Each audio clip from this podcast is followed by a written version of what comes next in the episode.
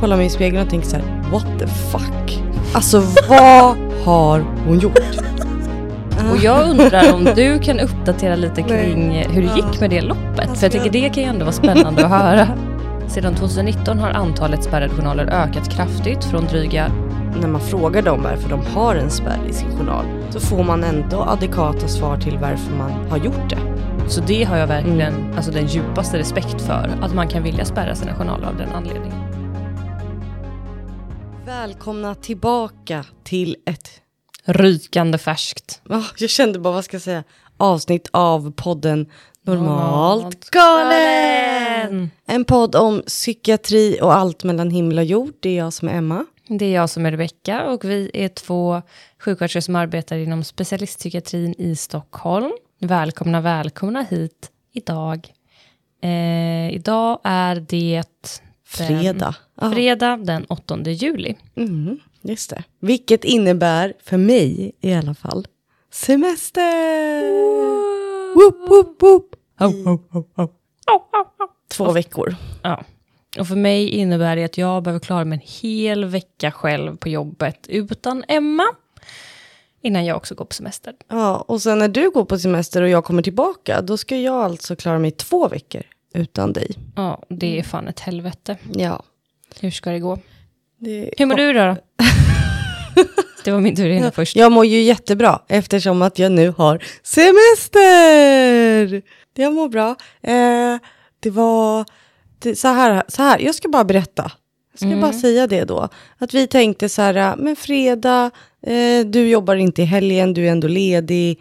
Eh, men vi kanske gör en, eh, vi tar och unnar oss och gör lashlift. Det har vi gjort förut. En gång förut har vi gjort det och det... Och grejen är att bra. det blir bra. Nej, men jag är ändå nöjd alltså, med det. Mm. Mm, men sen hade jag ju då, förra gången vi gjorde, då hade jag precis varit med om den här cykelolyckan. Cykel. Cykel. Cykelolyckan. Så jag fick inte färga, eller fick, de ville liksom inte röra ögonbrynet för att det var ett jack, typ. Ja, Alltså det var inte ett blödande sår längre. nej. Du är ju inte dum i huvudet och bara färg mitt blödande Nej. ögonbryn. Utan nej, alltså jag blev ändå chockad att de faktiskt inte gjorde något det var ju liksom läkt. Ja. Det var bara att det var lite typ rött fortfarande. Och att det var väl fortfarande ett jack i att det inte hade växt ut så mycket hår just där. Mm, Ja. sant. Men nu har de växt ut. Och då tänkte jag, men jag ska ändå också färga dem för att det är skönt att slippa måla dem när man är på semester och så. eh, ah, nej, alltså, Alltså jag kan inte titta Alltså, på dig. Alltså grejen är bara, du vet när man får spegeln och så säger de så här, ah, du ska få se. Och jag bara, det blev jättebra. För att jag tittade bara på ögonfransarna, är så snabbt. Går därifrån, går på toaletten och bara kollar mig i spegeln och tänker så här, what the fuck? Alltså vad har hon gjort? nej, alltså jag ser ut som en, jag vet, jag kan, nej, alltså, Alltså grejen är att vi låg ju i bäddarna bredvid varandra. mm, Och eh, av förklarliga skäl så såg vi inte varandra för man Nej. ligger ju och blundar. ja. Ehm, och Emma var klar lite innan mig, så jag hör liksom när eh, ja, den här behandlaren, Ja. vet inte, jaha, ja, eh, så liksom, ja, men när hon ska ge Emma spegeln och så här, ja, oh, du har verkligen fantastiska ögonfransar. Emma bara, mm, ja tack, åh vad fint det blev, typ. Ja, så gick hon ut och satt där och väntade på mig när jag blev klar. Kommer då ut, hon sitter alltså på en soffa och väntar på mig. Och det enda jag ser, alltså jag var tvungen att titta bort fort. För det enda jag ser är liksom två tjocka mörkbruna larver Nej alltså. ovanpå hennes ögon. Jag, du vet, först så tittade jag bara, och jag har ju också dålig syn, tittade bara lite sådär snabbt. Och sen tittade jag tillbaka, så jag var tvungen att vända mig om, för att jag höll på, jag kände bara, jag bryter ihop, var också väldigt kissnödig, så jag var tvungen att ställa mig i toakan med ryggen mot Emma, för jag kunde inte titta på henne. Nej, alltså och snälla grejen är att jag känner bara så här, äh, vad, vad hände? Och Alltså- tilläggas bör också att hon frågade innan, vilket jag också hörde eftersom jag låg bredvid så här. Mm, Okej, men fransarna där ska vi färga svart. Eh, vad ska det vara för färg på brynen? Mm, och jag säger ljusbrunt. Mm, först sa du, det vet jag inte. Nej, det sa jag. Och sen frågade hon om kallt och mörkt. Jag kände, Det var, jag, jag vet inte riktigt vad det är, hör Nej. jag då. skrattade du då? Ja. Ja, jag hörde någon som bara, bara det måste ha varit Rebecka. Ja. Eh, nej, men så då bestämdes det ju då att det skulle bli kall ton. För att jag vill inte ha liksom åt det röda hållet. Nej. Ljusbrunt. Mm. Det här är närmare svart. det är det inte. Ja, men det är mörkt, mörkt brunt. Mörkt, mörkt brunt till dina annars typ Nej, nästan och jag har ju blonda liksom ögonbryn. typ, exakt, alltså, Alltså dina ögonbryn är ju ljusare än, än resterande hår. ja. Mm. Liksom, så att kontrasten blev ju drastisk. Alltså nej, men nu har jag gnuggat här lite här när vi kom till studion eh, med två. Det, det försvann lite färg, för det var ändå topsen blev ändå färgade. Mm. Eh, inte tillräckligt mycket. Hon gick på toa och var borta väldigt länge och det var väldigt tyst. Så jag var tvungen att ropa, står du och gnuggar? Ja, nej, så att jag, det är väl liksom det jag känner att så här, ja, man kan inte liksom inte få allt. Man kan inte få bra fransar och bra bryn och dessutom få semester och... Och var snygg. nej, exakt. Nej. Du är ändå ledig så att Något måste liksom ryka. Det är tur att du jag... slipper sitta där på jobbet och försöka se seriös ut med två larver Ja. till ögonbryn. Alltså jag är ju tacksam Pälsvarv. att jag liksom inte kom på det. Vi ska ju då åka på konferens i eh, september. Väldigt Alltså nu måste jag säga, det här är en riktig konferens. Det är inte Ja, ja, poddkonferens. utan vi ska på eh, Nordiska psykiatrisjuksköterskors konferens. Ja, någonting Ja, sånt där. ehm, så det, Eller något, det är det. Det är jag det, menar, den ja. heter någonting vi, sånt där. vi ska till bergen så eh, vi hoppas Bergen att... i Norge. Vi ska Ja, inte upp i nej. någon klippa utan Så ni som lyssnar, om det är någon som ska dit, vore ju kul att veta. Ja, eller någon som lyssnar som är psykiatrisjuksköterska, verkligen tips om att Ja. tigga till er arbetsgivare om att få åka. För att eh, tre dagar i Norge i bergen, eh, som sagt konferens för liksom, nordiska psykiatrisjuksköterskor, skitintressant att träffa. Ja, och alla talare är verkligen från de olika, det är inte så här, ja, ah, du kommer bara från Sverige och Norge, utan de kommer verkligen från alla nordiska Mm, länder. så spännande, jag är Eh, så taggad på det. Ja, verkligen. Men det jag skulle säga med det var ju att det var ju tur då att jag inte fick för mig, för vi har ändå tänkt så här, vi kanske ska göra lashlift innan vi åker dit. Att jag då där också skulle färga brynen, typ. För att det kommer inte hända igen. Någonsin. Aldrig. Nej. Alltså det är ju tur att de inte tar betalt. Och jag, nu ångrar jag mig lite att jag inte var en person som, för grejen att hon i kassan tyckte hon tittade konstigt. Men då hade jag ju Men inte... du blev ju också smygfotad på Ja. pendeltåget. Men grejen i kassan där, då hade jag inte ens gått på toaletten så jag hade liksom inte sett mig själv. Men nu i efterhand inser jag ju vad hon glodde på. Mm. Jag undrar den här behandlaren, var hon nöjd? Eller kände hon... anledning till att hon inte berömde dina fantastiska bryn, Mm. utan bara fransen. Ja, nej, ja, jag blev också på riktigt smygfotad på pendeltåg. Eller filmad, alltså vi vet inte. Nej, Hon alltså- var tvungen att börja täcka sitt ansikte. Ja. Det satt en tjej precis mitt emot Mm. och liksom höll upp sin mobil, verkligen som att hon filmade. Alltså fast hon gjorde det, hon försökte smyga med det typ. Mm. Men det gjorde hon inte. Samma sak, det var en annan som tittade till, vände bort huvudet, sen tittade hon tillbaka som att hon blev rädd. Alltså hon kunde inte dölja sin chock. Nej, så då kan ni ju förstå hur det ser ut. Mm. Alltså om ni är riktigt snälla så kanske vi lägger upp en bild. Ja, jag kan ändå bjussa på den känner jag. Ehm, Mm, ja. Ja. Men jag känner ändå att det finns något mer. Nu har jag ju suttit här, jag har precis ehm, i dagarna börjat klippa det avsnittet som, ja, förra avsnittet nu då. mm, Ehm, och i det avsnittet så pratar jag om hur mycket jag mår skit. ja. Inför att vi då eh, några dagar senare skulle springa ett lopp. Och jag undrar om du kan uppdatera lite Nej. kring eh, hur det Ja. gick med det loppet. Alltså, för jag tycker jag- det kan ju ändå vara spännande att höra för våra kära lyssnare. Eh, jag tänker ändå att... Jag, jag vill också säga att du säger ju någonting i stil där om att här, du liksom, ja, försöker, eh, ja, det är någonting, jag kommer inte ihåg, men någonting med undermedvetet att du liksom inte vill springa. Ja, och det kan jag säga, det var verkligen, det, det, så var det ju. Mm. Alltså, jag ville verkligen inte undermedvetet springa. För att jag har ju då, alltså, okej, det ska också tilläggas att så här, i, i liksom, det låter ju jättehemskt när jag säger så, men du vet, i Rebecca och min relation, så är Rebecca ofta den som har koll på saker och ting. Jag bara flyter Vi med. har en sån dynamik. Ja, vi har det, vilket är verkligen egentligen väldigt märkligt, för att jag är verkligen en sån person i alla andra sammanhang. Och då undrar jag, hur, alltså, hur djupt sitter mitt kontrollbehov Ja, då? för jag tänker att det är ditt fel. det vi pratar, vi, det har vi liksom nämnt många gånger, att Ja. det är jag som är liksom kvinnan i det här förhållandet. För att Ja. du bara flyter med och jag håller koll och sköter och planerar. Precis, och grejen är att i, i allt annat i mitt liv så är det verkligen inte så. Nej, Ja, så det, men jag kanske bara kände så att ta den bollen, jag orkar inte ta den här. nej. Ja. Skitsamma. vem tar den från mig? Exakt, ingen. Nej, för se hur det gick Ja, Nu ska ni precis. få höra. För då var det ändå så att det var jag som bara, vi ska springa det här loppet, jag anmäler oss, jag fixar, jag berättar när, när loppet är. Får då informa- Eftersom att jag anmälde så fick Rebecka inget mejl. Utan jag fick båda mejlen liksom. Ja, eh, läser då så här, ja ah, men det är Kronobergsparken, eh, vilket är en park i Stockholm vid typ Fridhemsplan, där liksom kartan var typ att man skulle springa. Så jag tänkte, okej. Ja, och också anvisningarna till hur man skulle ta sig dit var att man skulle hoppa av eh, tunnelbanan antingen i Fridhemsplan eller vad det nu var. Torilsplan, vilket Ja. nu i efterhand känns, där borde jag ha reagerat. Men skitsamma. Du är ändå Stockholmsbo, ja. eller liksom native Ja. Stockholmsbo. Nej men och då i alla fall så läser jag hela tiden när vi pratar om det här att det ska vara i Kronobergsparken.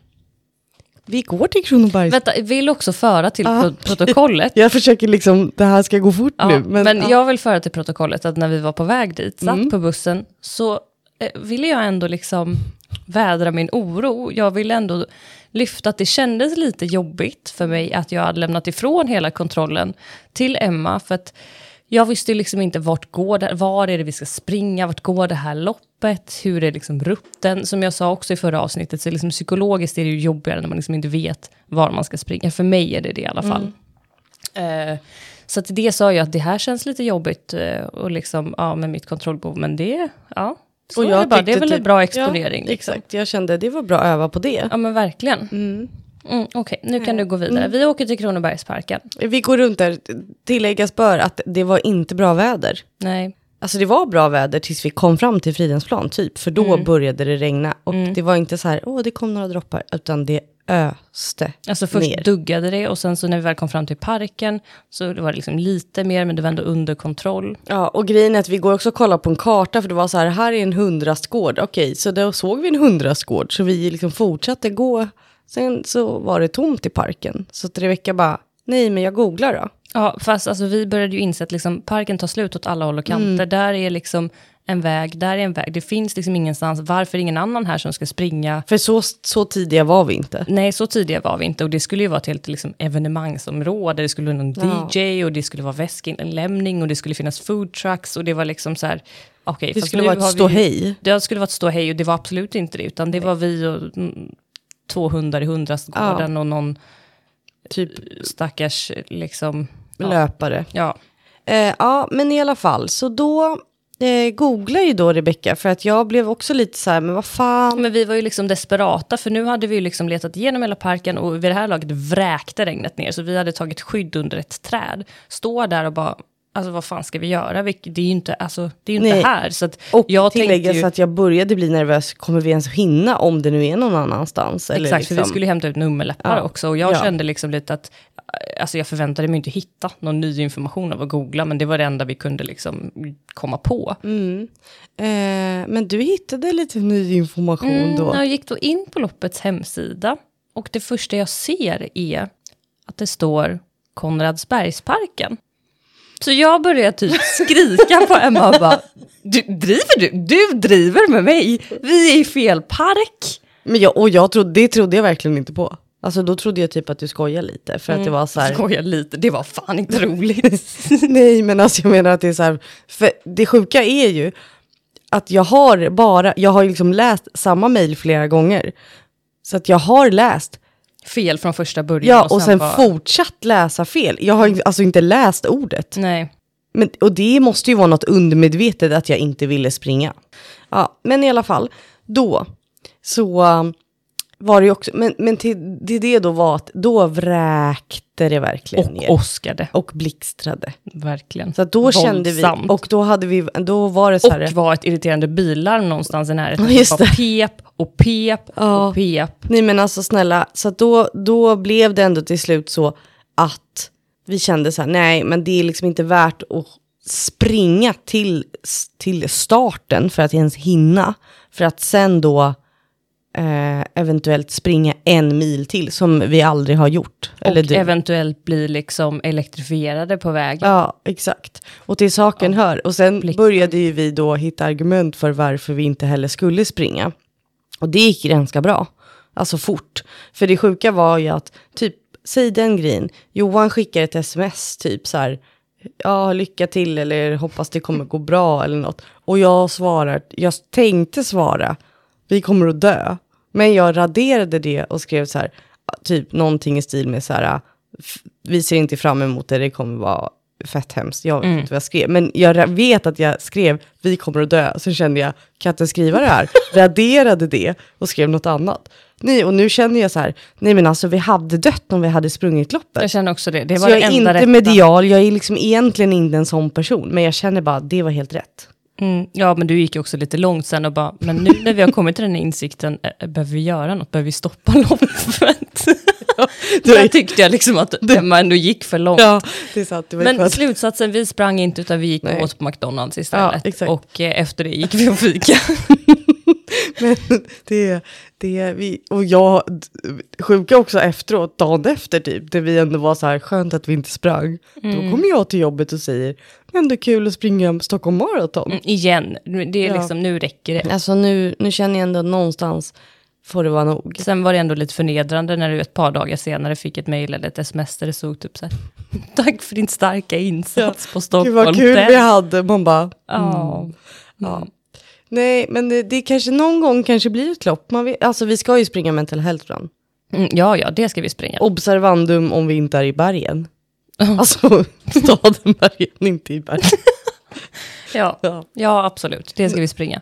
Men sist var ju det faktiskt i början av oktober, så att jag tror inte det, det här är ju, konferensen är ju början, slash mitten, början, början av av september, september. så att jag tror inte att vi missar det. Sant, sant, sant, sant. Varför sitter du så där? Jag är lite hungrig, jag är rädd att min mage ska låta högt. Ja, ah, okej. Du vet, jag trycker tillbaka. Mm. Alltså, det finns inget som funkar så bra som när det knorrar, att man bara smackar till sin mage, slår till. Exakt, men funkar det kommer ju låta, så jag sitter och trycker. Om, om ni hör det här, Då är det min mage. då är det Säger liksom typ på Emmas mage som får sig en skopa. Får du, nu får du ge dig. Mm, verkligen. Okej, nog om det här. Hur mår du? Ja, just det. Mm. Eh, jag mår bra, Ja. faktiskt. Du har ju ändå haft kul åt mina larver. Jag har ändå haft kul åt dina larver. Ehm, och eh, känner att eh, det är väldigt välbehövligt att ha semester om en vecka. Det känns skönt att det bara är en vecka kvar. Vi har ju liksom börjat känna av ytterligare det här med de, alla stängda vårdplatser. Så vi har sagt 120 hela tiden, men ska jag vara helt ärlig så vet jag inte om det är ännu fler stängda vårdplatser i Stockholm. Ja, vi diskuterade det Ja. häromdagen. Jag tror att det är det, men vi orkar inte räkna ut det för det blir bara mer deprimerande. Ja, jo men det är sant. Eh, och det, det börjar liksom, alltså, eller börjar, det märks verkligen. Stängda vårdplatser och att det liksom dras ner på, eh, ja men i öppenvården, allt sånt där och att, eh, så, så att det... Rapar du nu? jag gjorde inte. Jag var min hals som knorrade. Ja, den kan inte slå till, det blir lite obehagligt. Ja. ja. I alla fall, så att, eh, nej men jag mår bra, men jag känner liksom att jag är trött. Mm, men tänk- någonting, jo förlåt, säg. Nej, jag Säg tänkte du. bara säga att så här, man, jag känner ju också att så här, sista två dagarna eller tre eh, har ju varit så här, gränsen till att bitterheten, jag är bitter från och till, Mm. men att bitterheten har liksom satt sig redan från början och det brukar inte vara för mig. Det brukar ändå komma på eftermiddagen när jag blir trött på allt. Men eh, Det var ju som igår, så skrev jag till Emma på morgonen, så här, när, eller var det i morse kanske? Ja, så skrev jag så här, när, när är du här? var Alltså, det i morse. Ja. ja, det var i morse. Eh, och så skrev hon typ, ja, jag är på väg, typ försov mig lite, kommer om 20 minuter. Är det kaos? Jag bara, nej, det, är- det är lugnt. Jag bara undrade, ja, det var någonting jag skulle fråga eller vad det var. Eh, och då visade det sig att hon var inte 20 minuter bort, utan hon var typ fem minuter bort. Ja, Så hon planerade in liksom att kunna stå utanför och gråta lite om, för att så här, liksom värja sig känslomässigt inför att kliva in om det är kaos på avdelningen. Ett Men, mental breakdown hade jag planerat för. Också för att det värsta som finns, inte det värsta som finns nu, det lät inte bra. Men det är ju att känslan i att så här, idag är det fredag, jag går på semester, jag har ingen lust att sitta här till 17 eller 19 ikväll. Utan jag Nej. vill typ att den här dagen ska gå smooth. Så att jag kan gå hem och känna, okej men på måndag att det kommer... känns okej att lämna På liksom. måndag kommer liksom Eva och då, det, då tar hon över. Mm. Ja. Eh, Så det var ju skönt, det var en sån dag faktiskt. Mm. Väldigt trevligt. Väldigt Eva är trevligt. alltså enhetschefen. Ja, precis. Så att jag kommer liksom, känner ändå att eh, det hände inga fadäser, jag är glad. Ja men alltså, ibland kan man ju gå från jobbet fortfarande fast det är kaos, även om man har så här rådat upp det mesta, Mm. så vet man någonstans att så här, det är oroligt, att man blir så här, ah, kommer det hålla? Typ. Mm, till slut måste här, man gå, men... Personalmässigt eller vad det nu kan vara. Ja. Eh, men det kändes verkligen inte som det, utan det kändes som att det var lugnt när vi gick. ja, alltså vi kunde med gott samvete gå och fixa dina larver. Fan alltså. ja, det är bra att det är, så, att det liksom är lite dämpad belysning här inne. Ja, För att alltså härifrån med min dåliga syn och dämpad belysning så ser det nästan, ser nästan bra ut efter du varit inne och gnuggat med topsen. Det är ändå fint att du försöker. Mm. Eh, jag tänker ändå att det är skönt att jag ska vara på landet två veckor. Tänker också det. Det är liksom typ i skogen. Mm. Kommer inte trä- alltså jag, åker, jag åker typ inte ens och handlar. Nej. Alltså det gör jag ju, men inte jag. Det gör någon annan. Ja, ja jag, jag kom på att jag skulle ändå lyfta fram, nu var ju det här typ liksom lite off topic, men på, för att lyfta fram motvikt då mot att jag är trött och att det, ja, man känner sig lite bitter och så här. Mm. Ehm, så var det ändå två patienter idag som, ehm, som skrevs ut och som båda kom liksom specifikt och verkligen ville framföra att de, alltså, ja, men sin tacksamhet, alltså tackade för att de tyckte att, ehm, ja, att de hade fått bra vård på avdelningen helt enkelt. Och det var så väldigt, ehm, men vi reflekterade lite kring det efteråt, att de här två mm, liksom, patienterna, den ena var en person som har eh, behövt och fått väldigt mycket samtal och det har varit liksom diverse händelser av olika slag där den här personen har behövt stöd. Eh, inte en jättelång vårdtid men intensiv liksom. Eh, och den andra personen har ändå legat in i några veckor men varit väldigt sådär att man känner ibland att så här, oj, alltså gör vi ens någonting för den här personen? Alltså att man kollar ju till och man försöker, men du vet som inte har efterfrågat något specifikt, har inte velat ha samtal, har varit ganska så här, hållit sig rätt mycket för sig själv Ja. eh, och sådär.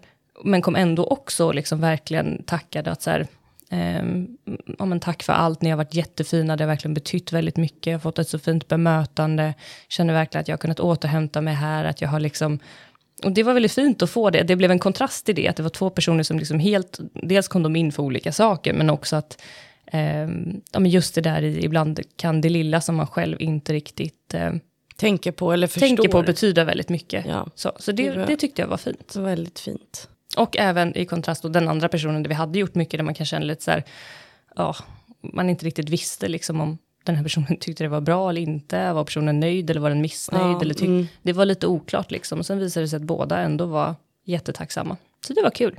Det var kul. Ja, nej men nu känner jag att vi, nu har vi suttit här och snackat skit ett tag.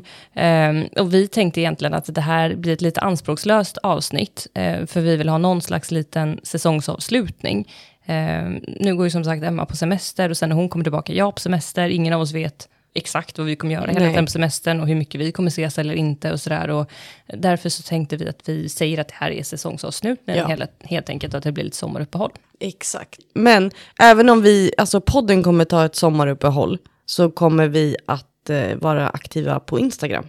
Så att ni får gärna skicka DMs fortfarande, tagga oss i olika saker. Vi blir jätteglada och där kommer vi liksom att finnas Ja, under semestern. Exakt, vi ändå. ska verkligen försöka så gott vi kan Ja. att hålla igång där. Mm. Vi ehm, var lite osäkra på vad vi skulle prata om idag. Hade lite olika idéer, sen bestämde vi oss för att vi sparar dem och eh, kör en, vi har inte jättemycket tid idag. Ehm, och eh, råkade se en, ehm, ett inslag från Sveriges Radio Ekot angående Spärrade journaler var det. spärrade journaler. Mm. Ehm, och frågan är om vi ska, jag har inte siffrorna i huvudet, eh, men det det handlade om var att antalet journalspärrar har ökat drastiskt de senaste åren. Jag ska kolla upp här vad det Ja, var. det var rätt mycket om jag inte missminner mig helt. Du kan ju Eh, berätta vad en journalspärr är. så Ja, men det var det jag tänkte säga det att, att eh, i journalsystemet så kan man alltså liksom lägga in en spärr, vilket innebär att till exempel så är vi i psykiatrin kanske inte kan se alla journal, inte texter, men alla journal, jo, Vårdgivares vårdgivares journalanteckningar. journalanteckningar från olika instanser eh, och vice versa. Så att de kan inte se eh, psykiatrins och så vidare. Och det blir ju problematiskt, eller det tar vi sen. det, kommer vi till sen. Okej, ja, men en journalspärr är helt enkelt, en patient kan själv välja att spärra Exakt, det, delar, eller, alltså delar av sin journal gentemot andra vårdgivare. Så att, ja, men, som Emma precis sa, antingen att, ja, men till exempel att inga andra vårdgivare kan läsa en psykiatrijournaler, eh, eller tvärtom, eller från någon annan gyn eller vad det nu kan vara. Att man kan välja att spärra delar eller hela sin journal Ja. som man själv önskar, helt enkelt, vårdgivare emellan. Eh, men härifrån då, Ekot Sveriges Radio, så står det så här att allt fler väljer att spärra sina patientjournaler, bland annat för att hindra att obehörig vårdpersonal från att se känsliga uppgifter. Men att spärra sin journal kan riskera patienternas säkerhet och vårdpersonalen inte kan ta del av viktig information. Jag tänker att vi ska prata mer om det. Eh, men siffrorna här var då att sedan 2019 har antalet spärrade journaler ökat kraftigt från dryga 68 000 spärrade journaler 2019 och över 98 000 i slutet av maj i år. Oj, Vad var vad sa det? du? 68 eller 68? 68. Ja, okej. Jag Till trodde det var 98. 68 000. Mm. Så att de, sen 2019 då så har det alltså tillkommit 30 000 fler Men tror du, alltså, spärrade journaler. vi ska diskutera, eller vi, jag tänker att vi går in på lite varför, eller vad, vad tror du? Jag tänker spontant ett att det också har blivit mera, att folk har vet att man kan göra det. Mm. Alltså jag tr- Det tror det jag tror också. jag har gjort att ökningen också har blivit, att man vet att man har rätt att göra det. Eh, för det upplever jag att, för bara några år sedan, att folk inte ens visste att man kunde. Nej, och det tänker jag har kommit mycket i och med att man kan läsa sin egen journal på nätet. Ja. Så där det liksom genast kommer upp information. Loggar du bara in på din, eh, på 1177 där på din journal, så finns det liksom en flik som är så här journalspärrar.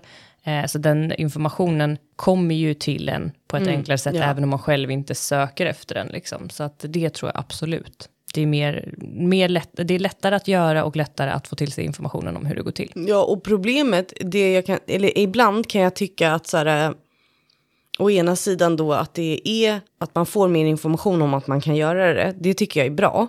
Men jag ibland, ibland tänker jag att folk inte förstår innebörden av vad det faktiskt betyder. Nej, Alltså förstår du, som de, det skriver de, eller det var ju det de sa, att det kan bli problematiskt.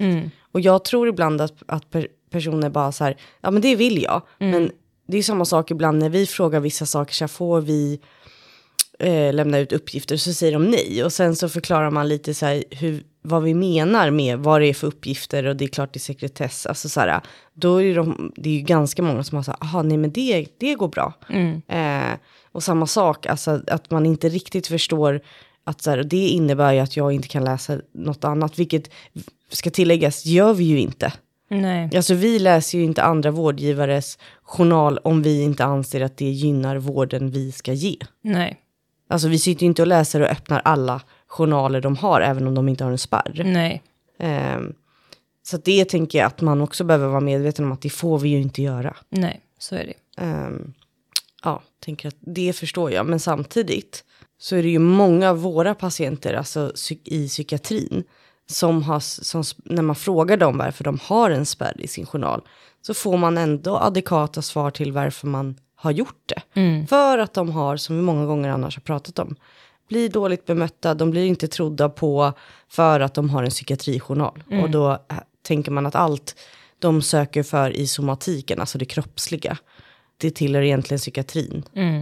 Så på Ja, ett sätt- en gång psykiatripatient, alltid Ja, psykiatripatient. alltså, liksom. framförallt om du har, ehm, ja men jag tänker, eh, nej det spelar egentligen inte roll, någon roll vilken diagnos eller så, men jag tänker för till exempel många som eh, har ångest, och så har de liksom det i sin journal att de har ångestproblematik, de kanske har alltså GAD, generaliserad ångestdiagnosen liksom. Och sen så söker de på akuten för exempelvis hjärtinfarkt då. Eller att de tror att de har det och då blir de genast tillbaka slussade i att det är bara ångest. Vilket är så här, det kanske det är. Men det har också visat sig flera gånger faktiskt att patienter har haft pågående hjärtinfarkter men har avfärdats som ångestproblematik. För att de har då i journalen att de har, eh, alltså att de har det problemet också. Mm. Eller har haft, det behöver inte ens vara Nej. aktuellt. Nej, för det har vi pratat om. Vi hade till och med ett avsnitt om det. Jag vet att vi pratar väldigt mycket om just det här med att, eh, inte om spärrade journaler, men just det här med hur man blir bemött inom vården om man har en psykiatrijournal. Ja, vi har nämnt det. Har vi haft ett avsnitt? vi Alltså jag vet inte om vi hade ett Vi har av... skrivit nu- inlägg om det, eh, delvis, men jag börjar blanda ihop vad vi har föreläst om och vad vi har poddat om. Sant. Men ja, vi har nämnt det, absolut, det har vi gjort.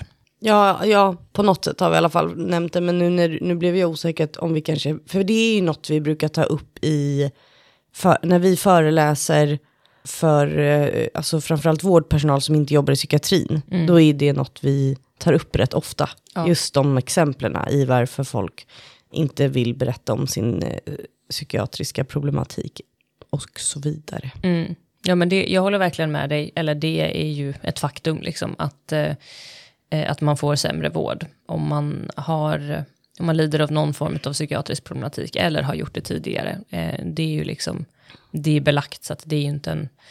Eh, Det är inget vi hittar på. det är inget vi hittar på, det är inte enskilda personers upplevelser, utan det här har man liksom, eh, det är fastställt att det Ja. är så eh, på gruppnivå. Såklart inte i alla individuella fall, men ni hänger med på vad jag menar. Hur som helst, så, så det har jag verkligen alltså den djupaste respekt för, att man, eh, att man kan vilja spärra sina journaler av den anledningen. En grej jag vill när, nämna till, till dig som lyssnar och som kanske har spärrat din journal, nu kan det absolut se, och jag har inte bekant i hur det ser ut i alla journalsystem, men i det journalsystemet som vi arbetar i och som finns på de flesta ställen i Stockholm till exempel, Ehm, så är det ändå så, bara för er kännedom, att till exempel har vi en patient hos oss som har lagt in en spärr, så kan jag fortfarande se alltså vart spärren kommer ifrån. Jag kan inte komma åt någonting i, ja men säg att du Emma går på en beroendemottagning. Jag kan se att det finns en spärr mot Beroendecentrum Stockholm, även om jag inte kan läsa några anteckningar eller se någonting därifrån. Eh, men det tänker jag kan vara viktigt att känna till, att det är inte helt osynligt ändå. Ehm, Ja, för jag det, det är bara något jag kommer nej, tänka på. Det kanske man inte vet som patient. För man vet ju inte hur journalen ser ut om man inte själv jobbar i vården. Liksom. Den ser ju inte likadan ut för oss som den gör när ni läser den själva på nätet. Så att, Nej, det eh, tror så. jag. Men som sagt, brasklapp, det behöver inte vara så Nej. i alla journalsystem. Det har jag ingen koll på. Men det var faktiskt, jag tror att det är bra. För jag tänker om det nu poängen när man själv, om man nu sparrar sin journal, om, om poängen är att man inte ens vill veta, man vill inte att någon ska veta ens vad man har, vad man går, Nej, då fallerar ju det lite Mm. eftersom vi ser, som sagt, vi ser inte varför, vi ser inga journalanteckningar, vi ser inte hur mycket vi journaler ser vilken finns. vårdgivare eller- som är spärrad. Ja, precis. Så ja, men det var egentligen, det kommer jag bara tänka på nu, det var egentligen inte det jag skulle säga. Eh, jo, att jag, men jag har, jag har liksom verkligen respekt för att man kan vilja göra det. Och att man gör det. Mm. Däremot så, vilket de ju också lyfter upp här, jag kommer inte ihåg nu, nu tog jag bort bilden här, vem det var, vem det var som uttalade sig där till Ekot. Det var någon läkare i Kalmar. Mm, Okej. Eh, en Nomenesco.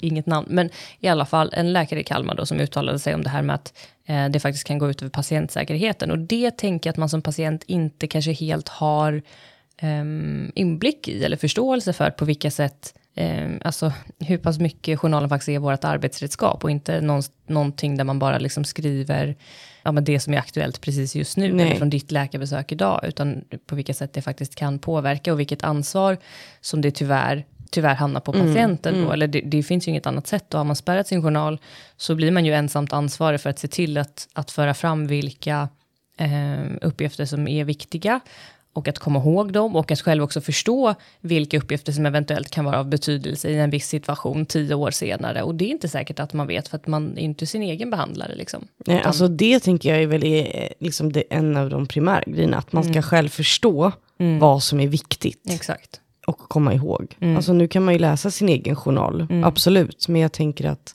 ja, ja jag, eh, alltså, jag tänker att det, det är ju på ett sätt bra att, att spärren finns kanske, men å andra sidan så borde det vara bättre att människor bara var bättre människor. Ja, jo, Alltså, jo absolut. Nej men alltså förstår du, det, jag tycker att det känns så jobb, det känns ju så sorgligt att folk ska behöva spärra sin journal av olika anledningar för att man liksom är rädd att någon ska läsa.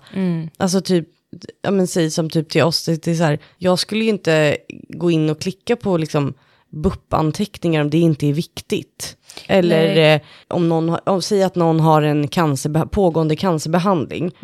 Ja, om det är liksom av vikt att vi förstår vad det är för behandling, då kanske läkarna går in och läser och konsulterar. Men annars så går vi ju inte in i de journalerna.